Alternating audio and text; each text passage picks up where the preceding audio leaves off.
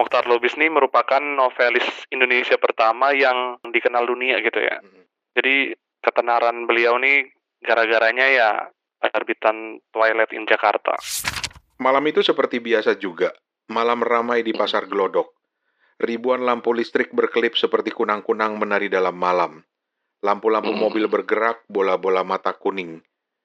Wangi makanan merangkak keluar dari restoran berat di udara. Tengkuk Fatma di atas tempat tidurnya pagi itu. Hujan gerimis masih turun di luar dan dia merasa Fatma menjadi gang di bawah tangannya. Dan perempuan itu memeluknya kuat mulutnya. Dan kemudian tiba-tiba dan berlari ke pintu. Aduh, kamu nakal benar.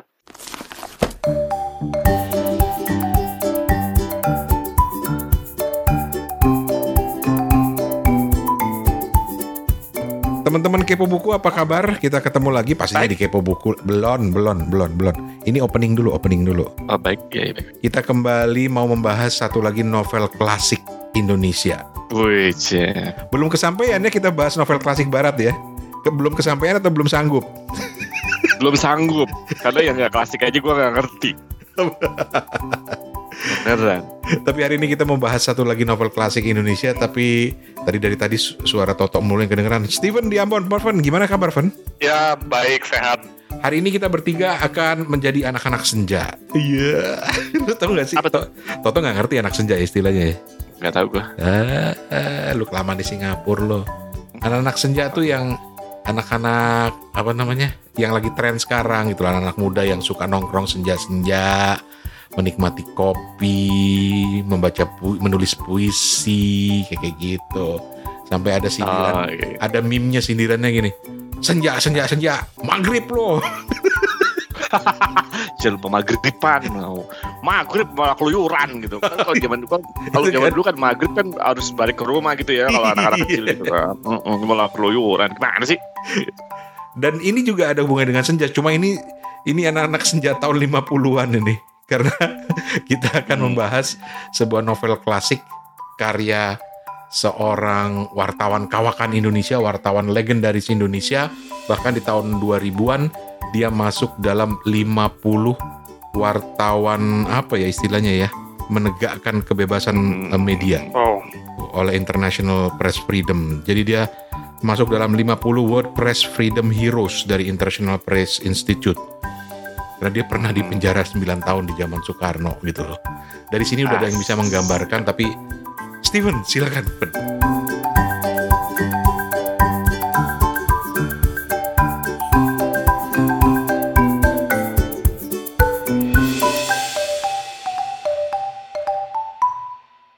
kita akan membahas novel dari Mister Mokhtar Lubis.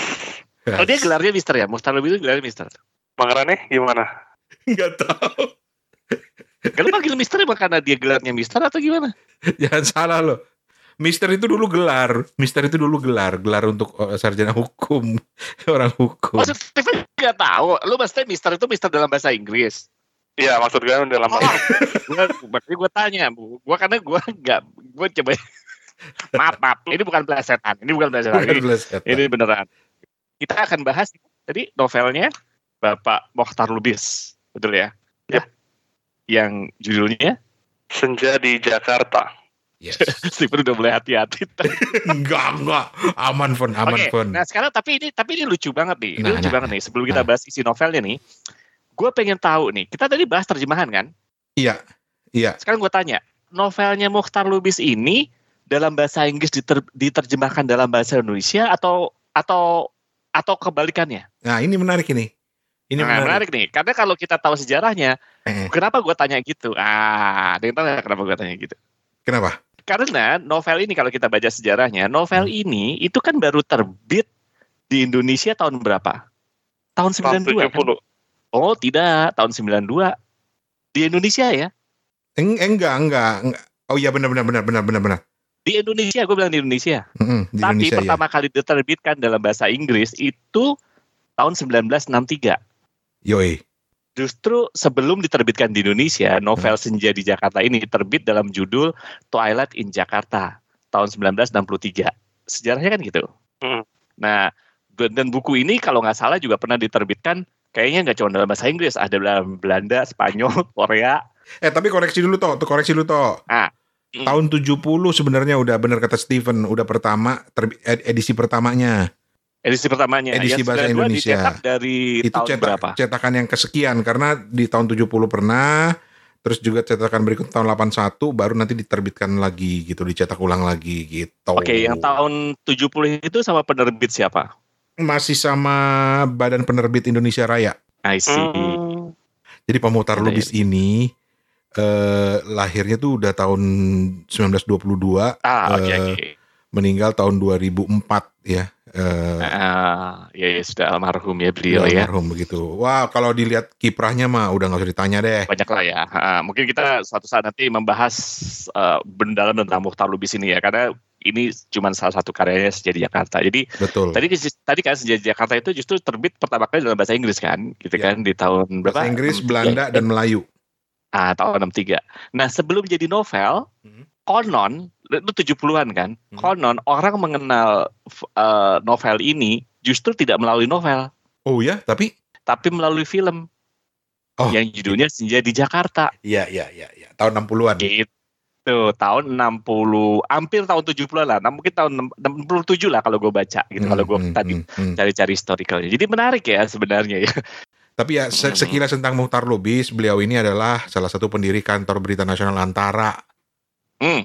Dia Oh. kalau di dunia buku tuh dia tuh Yayasan Obor tuh salah satunya dia pendirinya Hmm. gitu. Pimpinan Harian Indonesia Raya pastinya dan eh, di zaman Soekarno itu pernah mengalami masa tahanan 9 tahun kalau nggak salah gitu.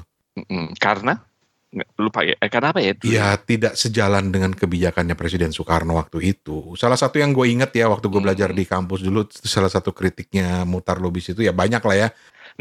Kalau kita baca novelnya nanti kita bahas ya. Di di di hi- di, di secara garis besar novelnya ini walaupun di tahun dari tahun-tahun em, mungkin beliau tulis dari tahun 50-an kali ya gitu 50-an, kan. iya 50-an. tentang tentang mungkin secara highlightnya tentang em, kehidupan di Jakarta terus ada budaya korupsi segala macam itu masih ada sebenarnya sekarang kan kan begitu Masih, masih relevan masih relevan Bahkan pergulatan politiknya juga masih sangat relevan gitu loh karena iya benar masih Bener, ada tuh ternyata- yang kayak kayak begitu tuh. Eh, eh, ternyata nggak berubah ya orangnya dari dulu nggak berubah. Padahal menariknya latar belakang eh, eh, senja di Jakarta ini kan ketika Indonesia baru mau mulai pemilu pertamanya loh men. iya ya tahun Hmm. berapa tuh tahun eh berapa ya lima eh, Pemilu lima pertama. puluh 55. lima lima Ya, lima lima iya betul gitu. betul Jadi betul kelihatan Ini settingnya settingnya tahun 50-an memang ya benar tahun ya 50-an. Tahun tahun 50-an ketika Indonesia tengah bersiap untuk menggelar pemilu pertamanya. Bahkan ada yang Ya. banyak yang bilang bahwa sebenarnya tokoh-tokohnya menggambarkan tokoh-tokoh yang ada di kenyataan di tahun itu gitu loh katanya seperti itu. Ah, ah, ah. gitu. Oke. Gua mau minta yang paling muda dulu nih buat cerita tentang novelnya. Mm. Karena gue penasaran. eh, Oke. Steven, Steven katanya udah dua, dua, dua kali baca novel ini loh. lu lu kalau dua kali Iya, iya. gue tanyain tokoh-tokohnya siapa aja dulu. Pusing. Jangan bilang lu jangan yes, jangan lu cuman inget Raden Kaslan doang lo. Enggak, Steven ingatnya cuma Raden Kaslan dan Fatma. ya itu tadi. Ya, maksudnya makanya lu baca dua kali lu jangan cuman inget Raden Kaslan doang lo. Enggak, dia ingetnya dia ingetnya cuma Fatmanya doang dia. Oh. Oke, Van. Oke. oh enggak enggak, Hmm. jangan-jangan bukan Fatma, Dahlia atau Neneng. Halah, lanjut. Neneng, lanjut. neneng. Gue rasa sih neneng dia paling inget neneng dia. Heeh. Gimana, Van? Gimana, Van? Iya, iya, iya. Em, sebelum mau bilang kesan aku terhadap novel ini atau aku pengen bilang kalau Bapak Mokhtar Lubis ini adalah novelis yang apa ya, yang handal dan Twilight in Jakarta ini merupakan novel pertama Indonesia dalam bahasa Inggris. Wow. Iya. Gitu. Oke oke oke oke oke. Jadi eh, meskipun kurang bergairah ya, kurang diapresiasi di dalam negeri gitu ya. Setelah terbit tahun 70 tuh. Hmm.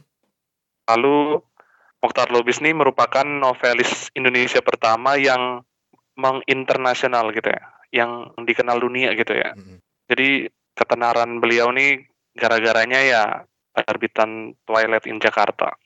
Yoi. Hmm. Dan untuk tahu lebih dalam seperti apa Mr. Mokhtar Lubis tuh teman-teman bisa meneliti di buku terbitan Yayasan Pustaka Obor Indonesia judulnya Jurnalisme dan Politik di Indonesia biografi kritis Mokhtar Lubis 1922-2004 sebagai pemimpin redaksi dan pengarang hmm. ditulis hmm. oleh oleh David Hill T. Hill salah, salah satu buku wajib gua dulu tuh kalau belajar jurnalistik hmm. gitu lanjut lanjut lanjut Pak oke okay.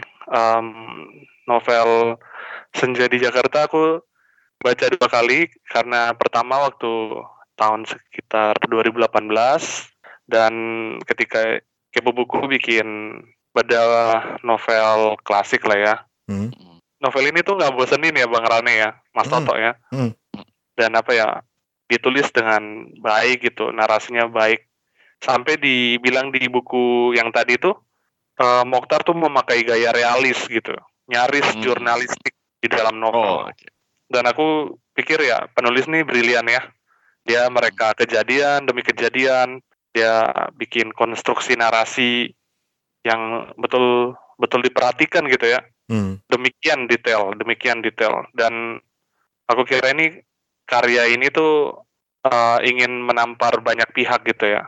Sebuah kritikan gitu untuk pergolakan politik, ketidakadilan dalam uh, masyarakat, kaum miskin dan kaum kaya dan di satu sisi yang lain tuh ya Indonesia sedang berada di titik titik terendahnya mungkin waktu itu ya. Hmm. Itu yang hmm. bisa berhasil digambarkan oleh uh, pengarang Mokhtar Lubis lewat novel Senja di Jakarta. Oke. Okay. Sebelum gua ke Toto, apa sih yang paling lu nikmati dari jalan ceritanya Senja di Jakarta ini? Yang aku paling nikmati itu pergulatan hidup seorang pegawai gitu ya. Oke. Okay. Sugeng, sugeng, sugeng. Pak Sugeng ya. Hmm, hmm, hmm. Gimana ya Bang ya rasanya Mas Toto rasanya menjadi seorang pegawai pemerintahan gitu. Tapi di sisi yang lain uh, ditekan sama keluarga untuk apa ya, untuk punya kehidupan yang lebih layak gitu ya. Hmm. Pada zaman itu, pada zaman itu dan harus muter otak, harus cari cekeran kanan kiri kan juga nggak mudah ya. Mm-hmm. Dan ketika ada kesempatan-kesempatan tertentu malah menjadi apa ya, menjadi sebuah problem gitu. Oke. Okay. Toto. Siap. Mau tanya apa? ya sama. Jadi novel ini tuh menggambarkan kehidupan masyarakat di Jakarta saat itu terutama tapi sebenarnya sketsa terhadap keseluruhan kehidupan di Indonesia sebenarnya gitu kalau menurut gue hmm. betapa uh, carut marutnya gitu ya uh, kehidupan saat itu dari ada intrik-intrik politik ada korupsi gitu ya. Dan dan dan dan macam-macam gitu kehidupan orang-orang lainnya juga gitu. Contohnya misalnya misalnya ya tadi gue lu, lu, lu jangan ingatnya Raden Kaslan aja lu.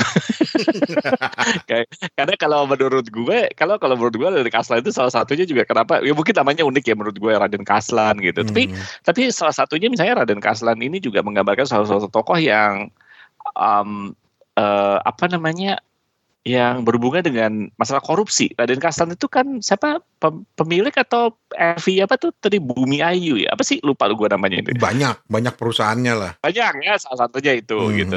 Nah, terus itu memang ya karena suka dapat proyek-proyek kayak gitu gitu Gil ya. Jadi misalnya dia ngomongin tentang korupsi, tentang uh, lisensi barang-barang impor, misalnya kayak gitu. Ada kan? Dia jadi dia tuh ngasih ngasih contoh tuh misalnya uh, kalau kita punya lisensi yang kayak gini gitu, terus orang berani, misalnya orang bakalan beli nih sampai sekian ratus persen. Terus kalau lisensinya sekian, berarti kita bisa dapat sekian gitu kan? Hmm. Nah itu kan sebenarnya sama aja zaman sekarang ya nggak tahu ya masih terjadi apa enggak sih semoga sih enggak gitu. Cuman ya itu kan yang sering kita dengar gitu di di saat ini gitu oh ada orang mainin lisensi barang impor atau apa kayak gitu gitu kan misalnya hmm, kayak hmm, gitu. hmm, Uh, atau kartel perdagangan misalnya kalau masih ada. Nah kayak gitu. Jadi sebenarnya isu-isu kayak gini tuh macam-macam gitu. Dan dan tadi si Steven menarik nih ketika dia bilang uh, apa namanya uh, lu tadi nyebut siapa? Sugeng ya?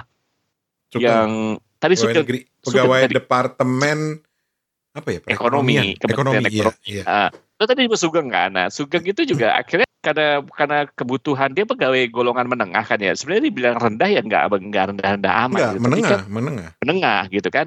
Jadi si Steven tadi bilang uh, tapi tetap struggling kan gitu kan. Nah, tapi dia juga diajak tuh kerja sama tuh sama sama Kaslan kan gara-gara itu. Nah, tapi maksudnya kayak gini tuh sesuatu yang temanya sebenarnya uh, oh ya oh lah tahun 50 terjadi kayak gitu gitu. Kalau sekarang terjadi kan berarti gak ada perkembangan ya. Misalnya kayak gitu ya dengan hmm. misalnya hmm. kayak gitu. Jadi novel itu sebenarnya uh, dilihat dari bahasanya tuh gampang banget gitu. Uh, boleh dibilang sebuah karya sastra yang uh, realis, realis ya. Realis ya, ya. Realis ya. Jadi nggak nggak bersastra-sastra, nggak pakai pengkiasan gitu kan. Kadang-kadang kita kalau mengkiaskan gitu, terus uh, ya kayak novel-novel yang lu baca itu, uh, Ran pakai kias gitu, 1984 atau apa tuh tadi? Yang dulu tuh kayak haru. Uh, Haruki Murakami. Kayak gitu. Haruki Murakami terus uh, uh, George Orwell ya. Apa ya 1984 itu Ya itu kan ya kita tahu gitu, tapi kan pakai pengkiasan. Nah kalau ini enggak gitu. Mungkin kalau Stephen bilang realis ya, mungkin kayak lukisan gitu ya, realis saja apa yang digambarkan dan dan dan gamblang dan dalam tanda kutip vulgar gitu. Hmm. Boleh nggak okay. gue bilang kata kata vulgar karena dia hmm. menggambarkan gimana itu hitungan ekonomi, gimana hitung hitungan korupsi, gak bukan atau belum gitu kan, kayak gitu gitu dan da, itu bisa dimaklumi lah dia wartawan, dia tahu semua seluk beluknya kan. Ah betul betul. Nah makanya si Steven tadi bilang ya kan dia dia kalau tadi ya jurnalis. Gue nggak tahu apa karena dia jurnalis dia juga pembabakan novel ini juga kayak kayak surat kabar ya? Bukan apa sih? Kayak ada Mei Juni Juli gitu iya. jadi rentang rentang kejadiannya itu antara Mei uh, sampai Desember. Makanya judul-judul babnya itu antara Mei Juni Juli Agustus September Oktober. Uh, uh, uh, uh, uh, jadi seakan-akan tuh kayak kayak uh, lintasan waktu aja gitu sebagai bab bab bab satu bab satu bab satu bab gitu ya. Hmm. tapi yang pasti pasti pasti yang jelas sih uh, siapa pun tokoh ya kita bisa bahas tuh tokohnya dari dari Kaslan, Sugeng sampai Neneng, uh, si Steven mungkin uh, atau Fatma atau Suryono gitu kan banyak banget gitu ya. Uh, ya intinya sih satu itu menggambarkan uh, ya itu tadi kesemrawutan um, keadaan uh, sosial politik ya gitu yang sangat Betul. kacau waktu itu kemudian keadaan bagaimana ekonomi bagaimana keadaan uh, pejabat dalam tanda kutip saat itu gitu.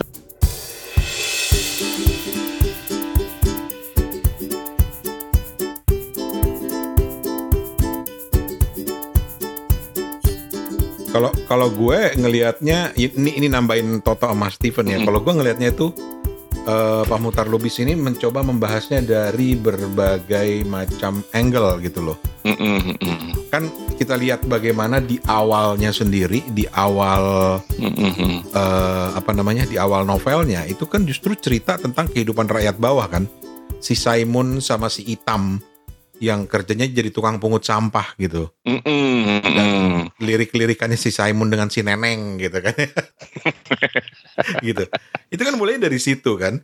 Uh, terus nah, beranjak ke lapisan masyarakat berikutnya kayak Suryono itu uh, menengah. Menengah, dia baru pulang ke Indonesia setelah dia ditugaskan oleh Kementerian Luar Negeri di New York, men. Dan penggambaran kesulitan masing-masing kayak Simon sama Item itu digambarin ya ilah cara dia cara Pak Muhtar itu me me menggambarkan dia itu cuma gajinya misalnya berapa perak gitu setelah dipotong mm. utang segala macam dia tinggal nyisa 29 perak yang nggak mm. akan bisa cukup gitu loh. Terus bagaimana dia digambarkan makan makan cuma nasi sama sayur doang gitu. Makanya gue bilang vulgar karena Vul sampai hitung-hitungan loh, hitung-hitungan persentase ada di sana loh gitu kan. Detil banget sampai gajinya itu berapa rupiah Ah. nanti keluarnya untuk ini berapa rupiah sampai dia harus motong ah. motong apa uh, dari majikannya yang tukang ngumpulin sampah itu dia harus motong untuk misalnya biaya beli celana karena celananya dicicil gitu. itu tuh gila itu detailnya tuh luar biasa gitu terus balik pindah ke Suryono Suryono yang ngeluh ngeluh banget karena dia baru pulang dari New York di Indonesia dia ngeluh karena dia nggak punya mobil gitu loh nggak punya mobil sementara di sini diperluin gitu kan misalnya kayak gitu. Betul dan Suryono itu anaknya Raden Kaslan yang memang orang kaya di Jakarta pada masa itu yang punya istri muda Fatma dan Nah, nah ini menariknya karena kemudian justru ini menarik. ada kisah percintaan, ada kisah perselingkuhan gitu. Jadi misalnya buat teman-teman yang belum baca ini, wah ini mau buku politik gitu misalnya atau ah ini Ya, buku tentang baca. oh, sindiran. Oh jangan salah, jangan salah. Di sini ada tokoh bernama Fatma. Fatma itu ada istri kedua ya, ah. istri pokoknya istri mudanya Raden Kaslan. Yang seumur sama anaknya si Suryono. Anaknya itu Suryono. Itu itu di awal-awal bab itu udah udah ketahuan ininya ya, selingkuhnya ya. Udah bahkan eh, kalau Rani suka nih, ada sedikit eh, gambaran adegan ranjang.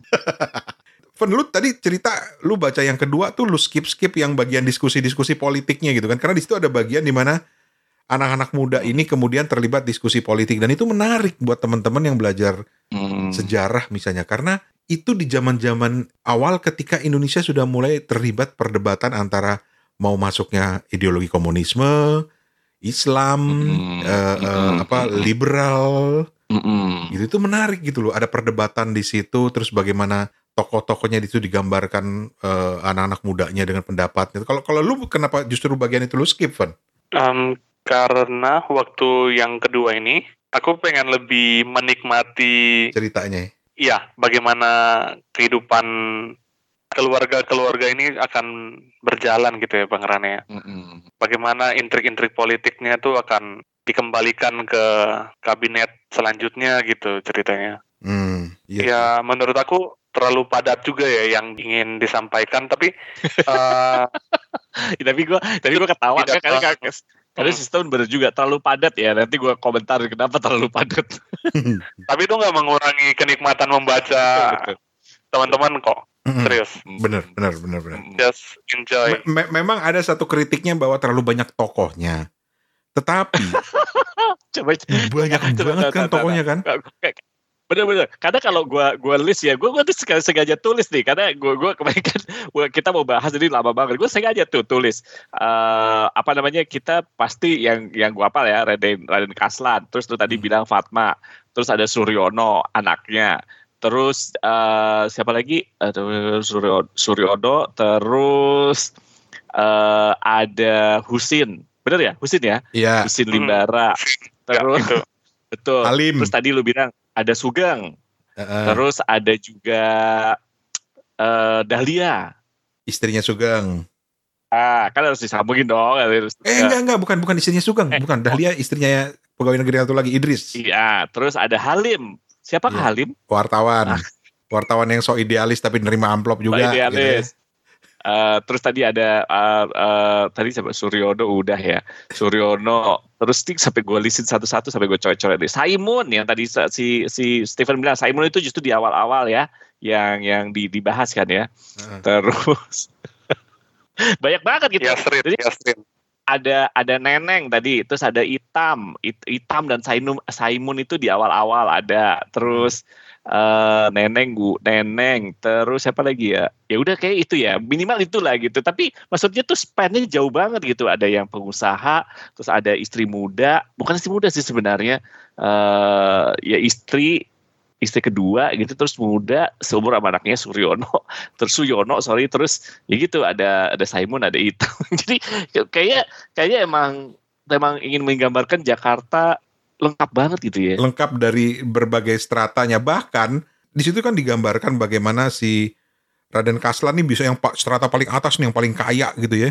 Mm. Dia dia dia punya istri muda gitu kan terus perselingkuhan anaknya dengan istrinya terus dengan Dahlia dengan apa kecintaan dia pada Isya. Jadi adegan cintanya tuh di, di level itu tapi juga diturunkan ke level yang bawah. Levelnya Simon sama Itam itu juga ada adegan percintaannya bagaimana Ada. Si Simon- gitu. Ah. apa jatuh cinta pada neneng yang tinggal di tempat pembuangan sampah gitu loh. betul. Dan dan Iya. ujung-ujungnya yang buat gua absurd banget tapi gue bilang ini menggambarkan ba- rakyat bawah banget di zaman itu ya.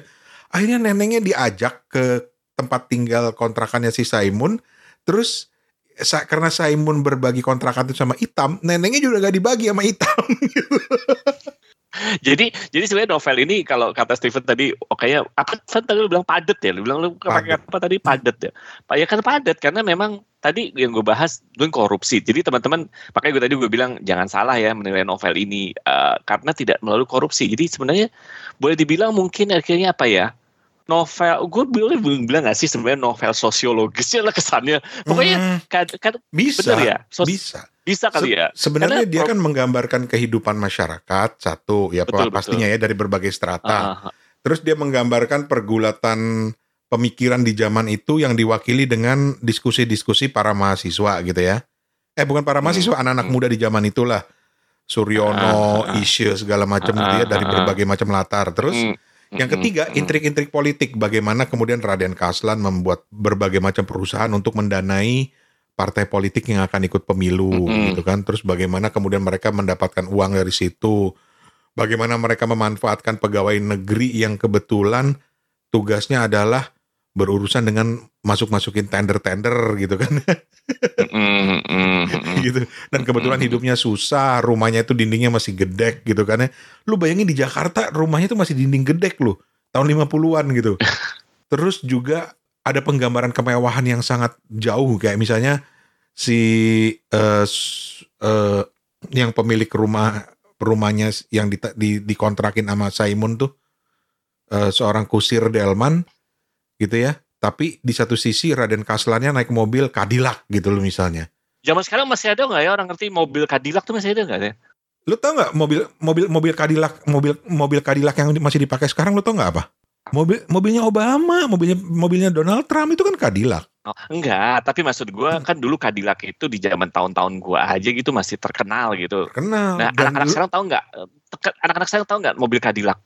Tahu pastinya lah. Tahu kali ya, gitu kan. Tahu kan. pastinya. Terus uh, bagaimana anaknya kemudian dapat mobil lungsuran, mobilnya mereknya Dodge. Itu kan mobil Amerika. Lo bayangin, di tahun 50-an orang Indonesia udah bisa ngedatengin mobil-mobil mewah, men. Oh iya makanya. Mungkin ini ini sama dengan orang-orang orang-orang kaya sekarang yang nggak nggak usah gue sebutin namanya itu, yang bisa ngedatengin Lamborghini, ya kan, mm, Porsche, gitu itu udah udah zaman kayak gitu gitu loh. Jadi kayaknya emang nggak ada yang berubah ya. Betul, makanya makanya kita kan pernah bahas tuh ketika kita ngomong bahas novel apa tuh waktu itu yang gue bilang um, layar terkembang. Layar terkembang. Kan gue bilang ya itu cuma konteksnya aja eh, konteks latar belakangnya apa tuh konteks di mana terjadinya uh, berbeda. Tapi perilaku masyarakatnya masih sama. Karena kalau balik lagi ke novel yang sendiri di Jakarta ini ya tadi lagi-lagi bilang ya kita bahas tadi ada korupsi ada. Zaman sekarang kan korupsi nggak ada ya pasti walaupun mungkin berkurang atau gimana tapi pasti ada dong. Kita masih ngebahas Yoi. itu berkali-kali dong. Kalau nggak ngapain ada KPK gitu kan? Kedua masalah kemiskinan. Masih kan bener nggak? Masih. Masih. Kesenjangan yang keluarga, itu masih. Ah, kesenjangan di yang saya terus difungsi keluarga? Apalagi dia sekarang ya. Iya kan? Disfungsi keluarga kita ngomong yang ya ya ya tadi ya gue bilang tuh ya Raden Kaslan terus apa namanya istrinya Fatma terus selingkuh kayak gitu-gitu kan terus hmm. ngomong ya kemiskinan kesenjangan sosial terus masalah uh, pelacuran ada kan di sini si ada, si neneng tadi gitu kan ada. itu makanya Ada. Jadi lengkap sih. Jadi jadi makanya tadi gue bilang boleh nggak ya gue sebut uh, novel sosiologis karena ini memang benar-benar benar-benar masalah ini ya masalah masyarakat sebenarnya gitu. Kalau menurut aku alur ceritanya tuh benar-benar apa ya uh, membuat kita bisa membayangkan Jakarta waktu zaman itu. Itu yang pertama kita merekam kembali Jakarta gitu ya. Uh, gimana uh, uh, aromanya mungkin waktu itu, terus uh, bagaimana kehidupan sosialitanya, bagaimana jalanannya tuh dipenuhi oleh kendaraan-kendaraan dan juga ada yang masih pakai delman gitu. Karena hmm. apa ya? Karena si penulis ini memberikan apa ya memberikan pengalaman yang kayaknya tuh dipindahin ke novel gitu ya hmm. pengalaman hmm. pengalaman observasi observasi beliau gitu ya hmm. tapi ya. yang memang aku harus acungin jempol itu adalah uh, dia tuh bisa membuat pembaca tuh ikut rentetan gitu sampai akhir gitu ya dan uh, kayak apa ya kayak sutradara yang ulung ya, Pak Mokhtar Lubis ini di buku ini. Aku Hmm. kira. Sat- satu lagi dari gue yang yang sangat menarik dari gue dari karena beliau ini eh, eh, jurnalis ya wartawan kawakan lah ya. Bet detailnya itu luar biasa dia Betul, ngegambarinnya betul. dan gaya Betul, tuh bahasanya tuh menarik. Gue mau contohin dua hal. Yang pertama di setiap bab-babnya itu kan kadang-kadang suka ada subjudul yang namanya laporan kota kan. Hmm, Iya kan? hmm, Ada kan? hmm, hmm. cara dia menggambarkan itu cakep banget. Misalnya ini ini ini ada ada bagian Mm-mm. dia menggambarkan eh, eh, eh, glodok. Ini, ini gue bacain satu paragraf ya. Dia bilang gini, malam itu seperti biasa juga, malam ramai di pasar glodok. Ribuan lampu listrik berkelip seperti kunang-kunang menari dalam malam. Lampu-lampu Mm. mobil bergerak, bola-bola mata kuning. Wangi makanan merangkak keluar dari restoran berat di udara, serasa bisa dipegang dan dimasukkan ke dalam mulut, dikunyah. Mereka Hmm. berdua meneguk air liur sebesar kelereng menyam- menyumbat kerongkongan dan kemudian mereka meludahkan bersama-sama pecah di tanah dekat kaki mereka. Itu Hmm. buat gue deskripsinya itu langsung ke gambar gitu loh. Atau ketika dia menggambarkan betapa susahnya hidup si Simon sama Itam. Ini bagian yang gue baca Hmm. berulang-ulang loh Tok. Karena gue sam- sambil sambil baca gitu ya Van ya. Gue hitung Van beneran. Jadi misalnya dia dia menggambarkan gajinya ya.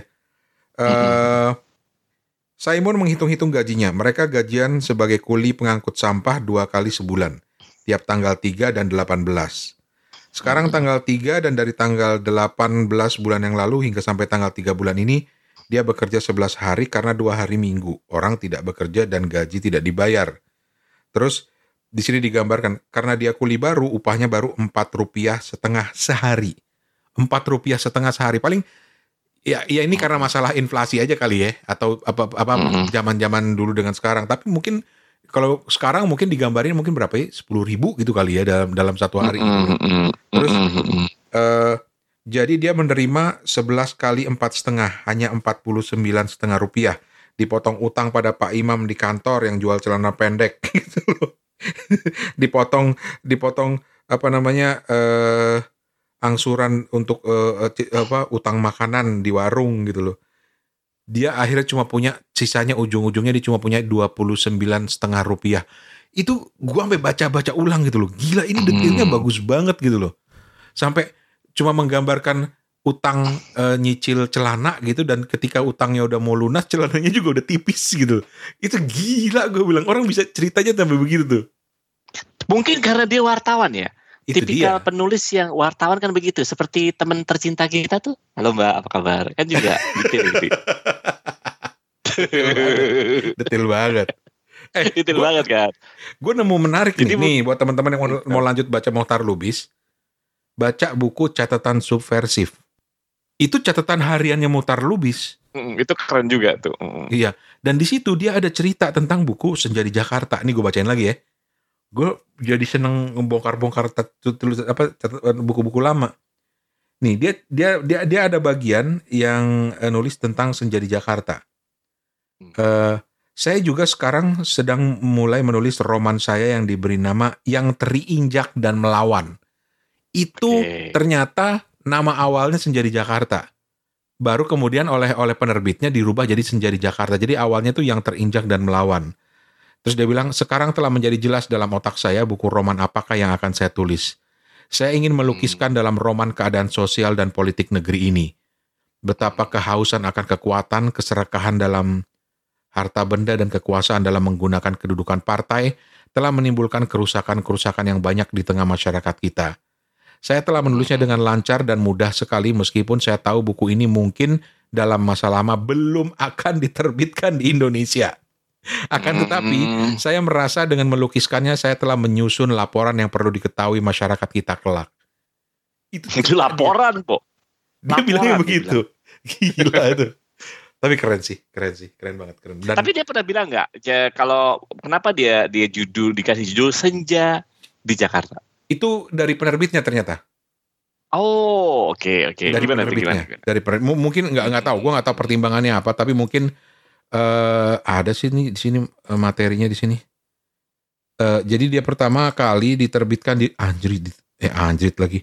Jadi pertama kali diterbitkan di London, eh, judulnya yang terinjak dan melawan Terus sama penerbit Hutchinson Co. Bener kata Steven loh, ini pertama kali novel Hmm. Indonesia yang diterbitkan di luar negeri itu dirubah menjadi Twilight in Jakarta gitu. Twilight in Jakarta. Dan itu Oke. terjadi sebelum Senja di Jakarta versi bahasa Indonesia terbit gitu loh. Hmm, keren ya, keren ya. Gue malah penasaran pengen baca Senja di Jakarta versi bahasa Inggris. Inggris udah per- udah punya gue. Cari deh Oh, teman-teman. Lu lu download Oh, oke. script S C R I B D. di situ ada Twilight in Jakarta. Jadi lu mau baca dalam bahasa apa? Gue pengen baca yang dalam edisi bahasa Melayu. Oh, ada. Ada. juga bahasa Melayu. Karena oh, sempat oke, oke. diterbitkan dalam dalam uh, bahasa Bahasa Melayu, Melayu. gitu. Kalau Toto Ternyata nyoba sama. yang bahasa Korea kayaknya ya. Enggak, gue pengen bahasa Latin kalau ada Bahasa La- sekalian. Bahasa Belanda dong, bahasa Belanda dong. bahasa Belanda. Laga lu tok ya paham. Ngerti lah di film-film kan cuma gitu bahasa Belanda, cuman kue Ya, orang Inlander. gitu-gitu. kan bener kan gue baru mau ngomong. Kue orang ekstremis ekstremis Rikiplik kayak gitu. Gua Tapi menarik tahu. loh ketika si Raden Kaslan mobilnya diserempet sama eh apa kereta kudanya, dia nyebut si kusir keretanya Pak Ijo siapa namanya gitu ya. Dia nyebut si kusir keretanya itu Inlander loh. Inlander pada belagu banget ya. Dasar mental Inlander. Eh, eh dia lupa. Eh, emang lu pikir lu siapa? Lu Belande. Betul betul betul.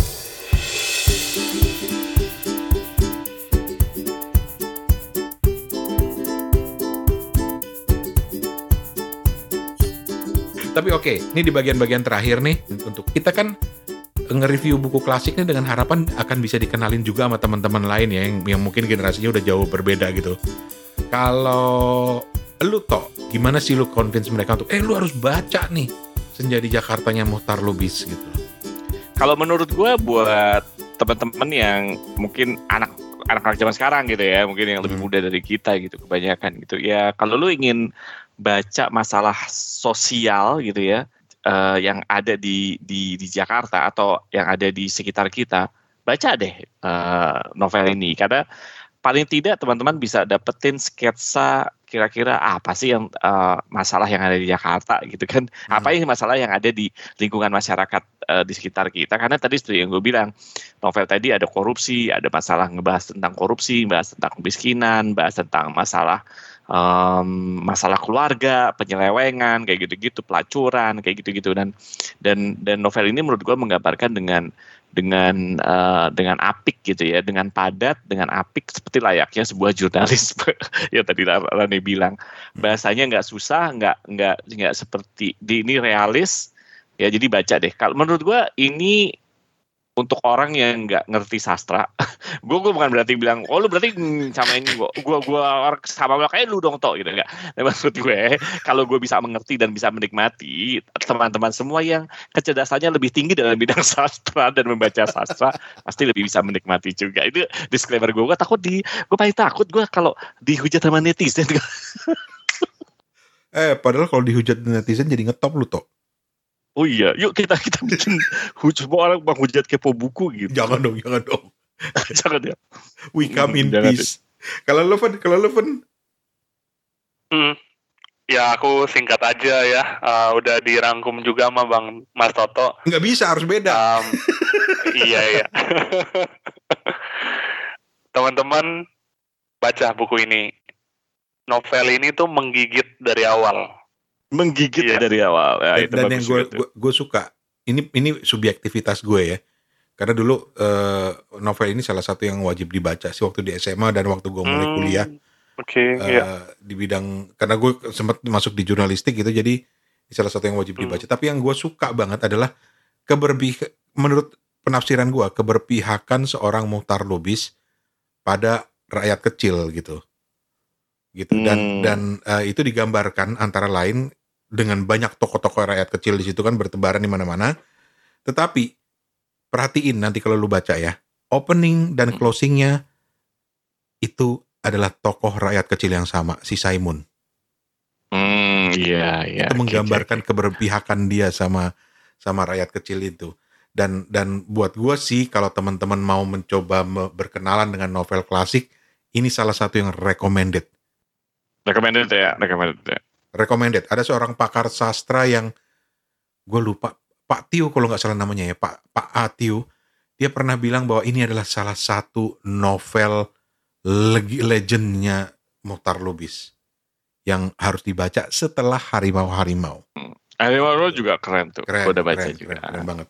Jadi coba deh dibaca karena buat gue seperti Toto bilang tadi nggak ada yang berbeda sebenarnya dari masyarakat kita. Cuma konteksnya, suasananya berbeda, gitu kan, mata uangnya berbeda, tetapi keserakahannya sama, idealismenya sama, percintaannya sama, gitu.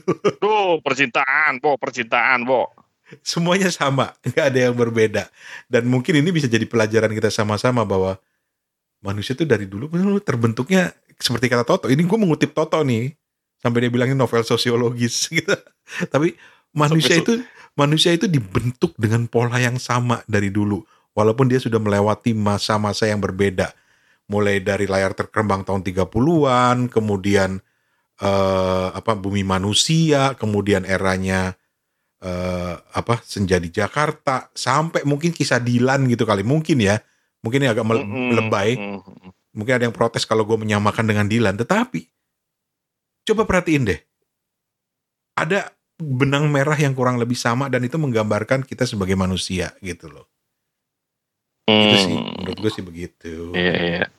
Nah, seperti biasa, kalau kita ngebahas novel kan katanya harus ada ini, harus ada quotes. Oke, Eh, harus quotes. Tapi yang kali ini gue mau ubah. Quotes apa yang kira-kira bakal di quotes Rane, bakal di quotes Toto, bakal di quotes, eh, bakal di quotes eh, siapa? Eh, Steven. Nah, kalau Rane mungkin mengquotes seperti ini. Demikianlah diciumnya tengkuk Fatma di atas tempat tidurnya pagi itu. Hujan gerimis masih turun di luar dan dia merasa dada Fatma menjadi kencang dan tegang di bawah tangannya.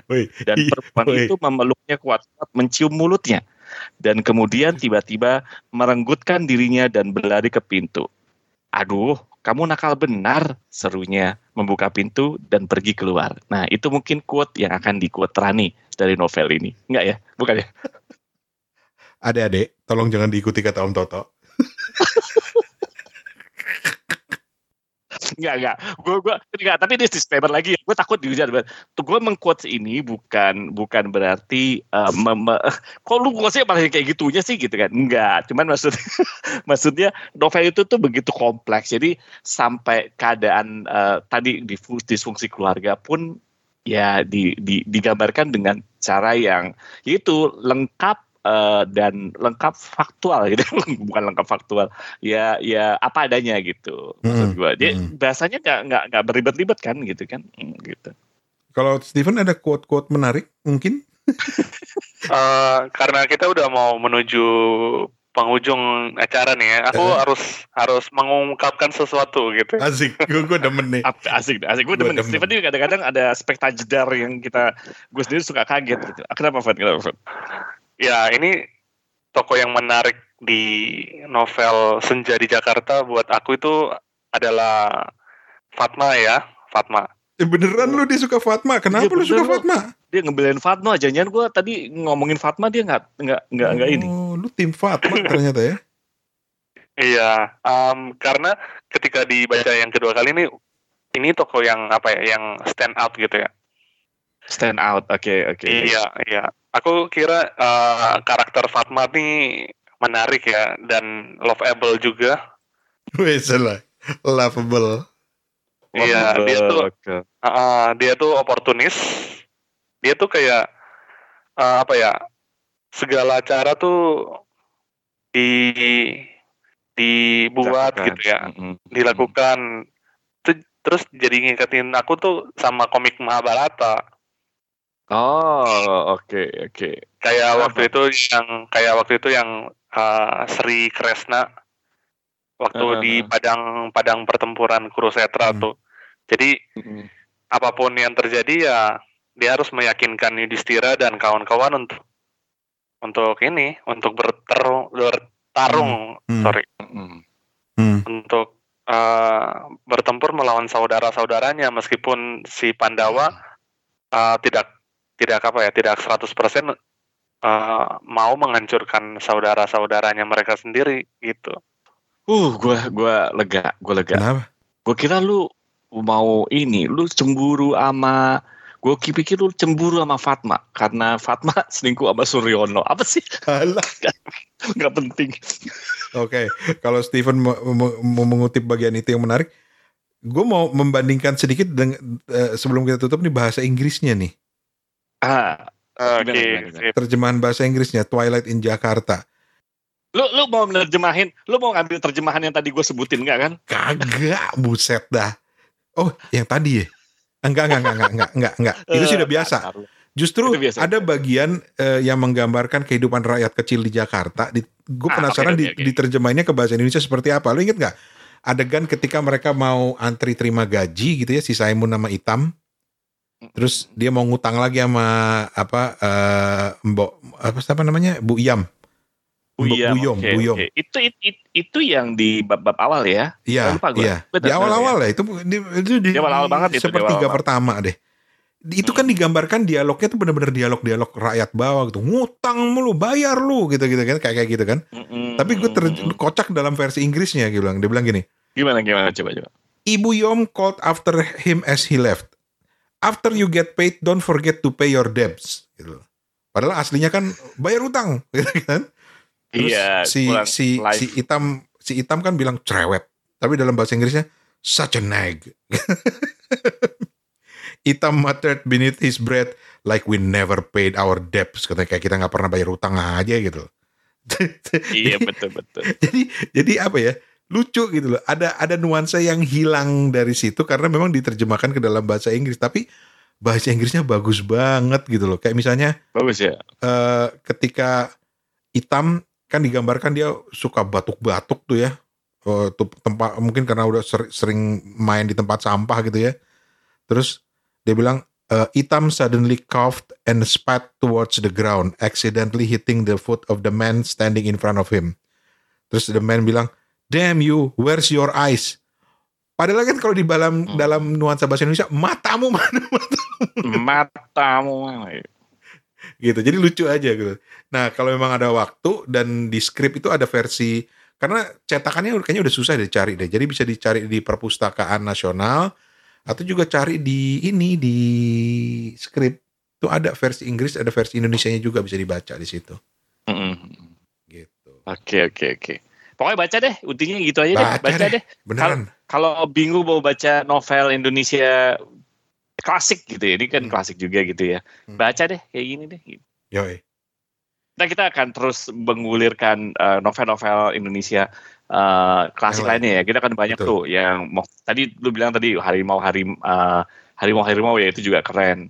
Terus eh, dulu juga gue suka novel-novelnya eh, YB Mangun. Eh, terus siapa lagi? Eh, Oh, gue gua malah siapa? pengen ini, gue malah pengen ini. Eh, yang eh, penulis dari UGM itu juga siapa? iya Oh, iya. Kunto ya. Alah, Siapa itu? Alah, kok jadi lupa sih?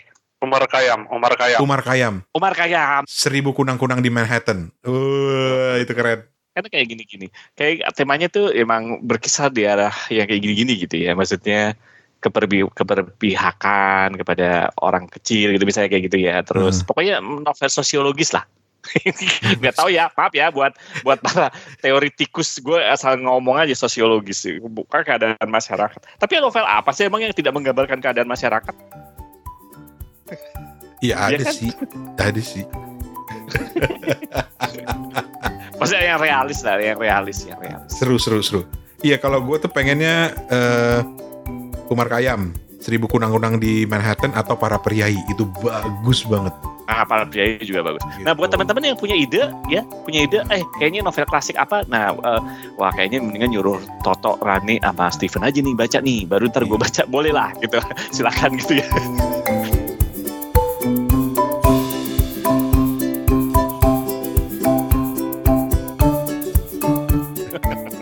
Ya wes kalau begitu kita ketemu lagi di lain kesempatan. Terima kasih untuk comebacknya. Comeback. comeback. apa sih Van? comeback Iya dia emang comeback. thank you comeback gitu ya Van ya thank you Oke. thank you comeback Kita ketemu di lain kesempatan dan jangan lupa yang mau ikutan ba ba- baca, baca kepo buku kita masih Baca. tunggu juga. Oke, buku-buku. Mm-mm. Oh kita selalu selalu buka, kita Selalu buka, selalu Oh buka. kita memang mencanangkan kita mah gabut kan. Ini dua minggu terakhir mah gabut loh. Karena yang isi banyak yang bawa buku semua. Mah gabut banget gitu. Terima kasih banget buat teman-teman. Enak kan? Punya punya podcast enak kan gitu. Kita mah terus terang. Kita kita kita mah terus terang ya jadi orang lah ya. Kita mah gak ada yang tutup-tutupin. Kita Eh, transparan. lu aja, gue mah enggak. Oh yakin lu? Awas lu. Lu episode berikutnya gue cuma pengen lihat lu ngisi sendirian lu. Sementara kata Steven, lah gue juga. Lah gue juga pengen mah gabut kan. ya wes. Thank you ya, thank you ya. Oke oke oke oke. Terima kasih semua. Terima kasih Mario. Thank you, thank you, Ya, bye. Salam. Bye bye.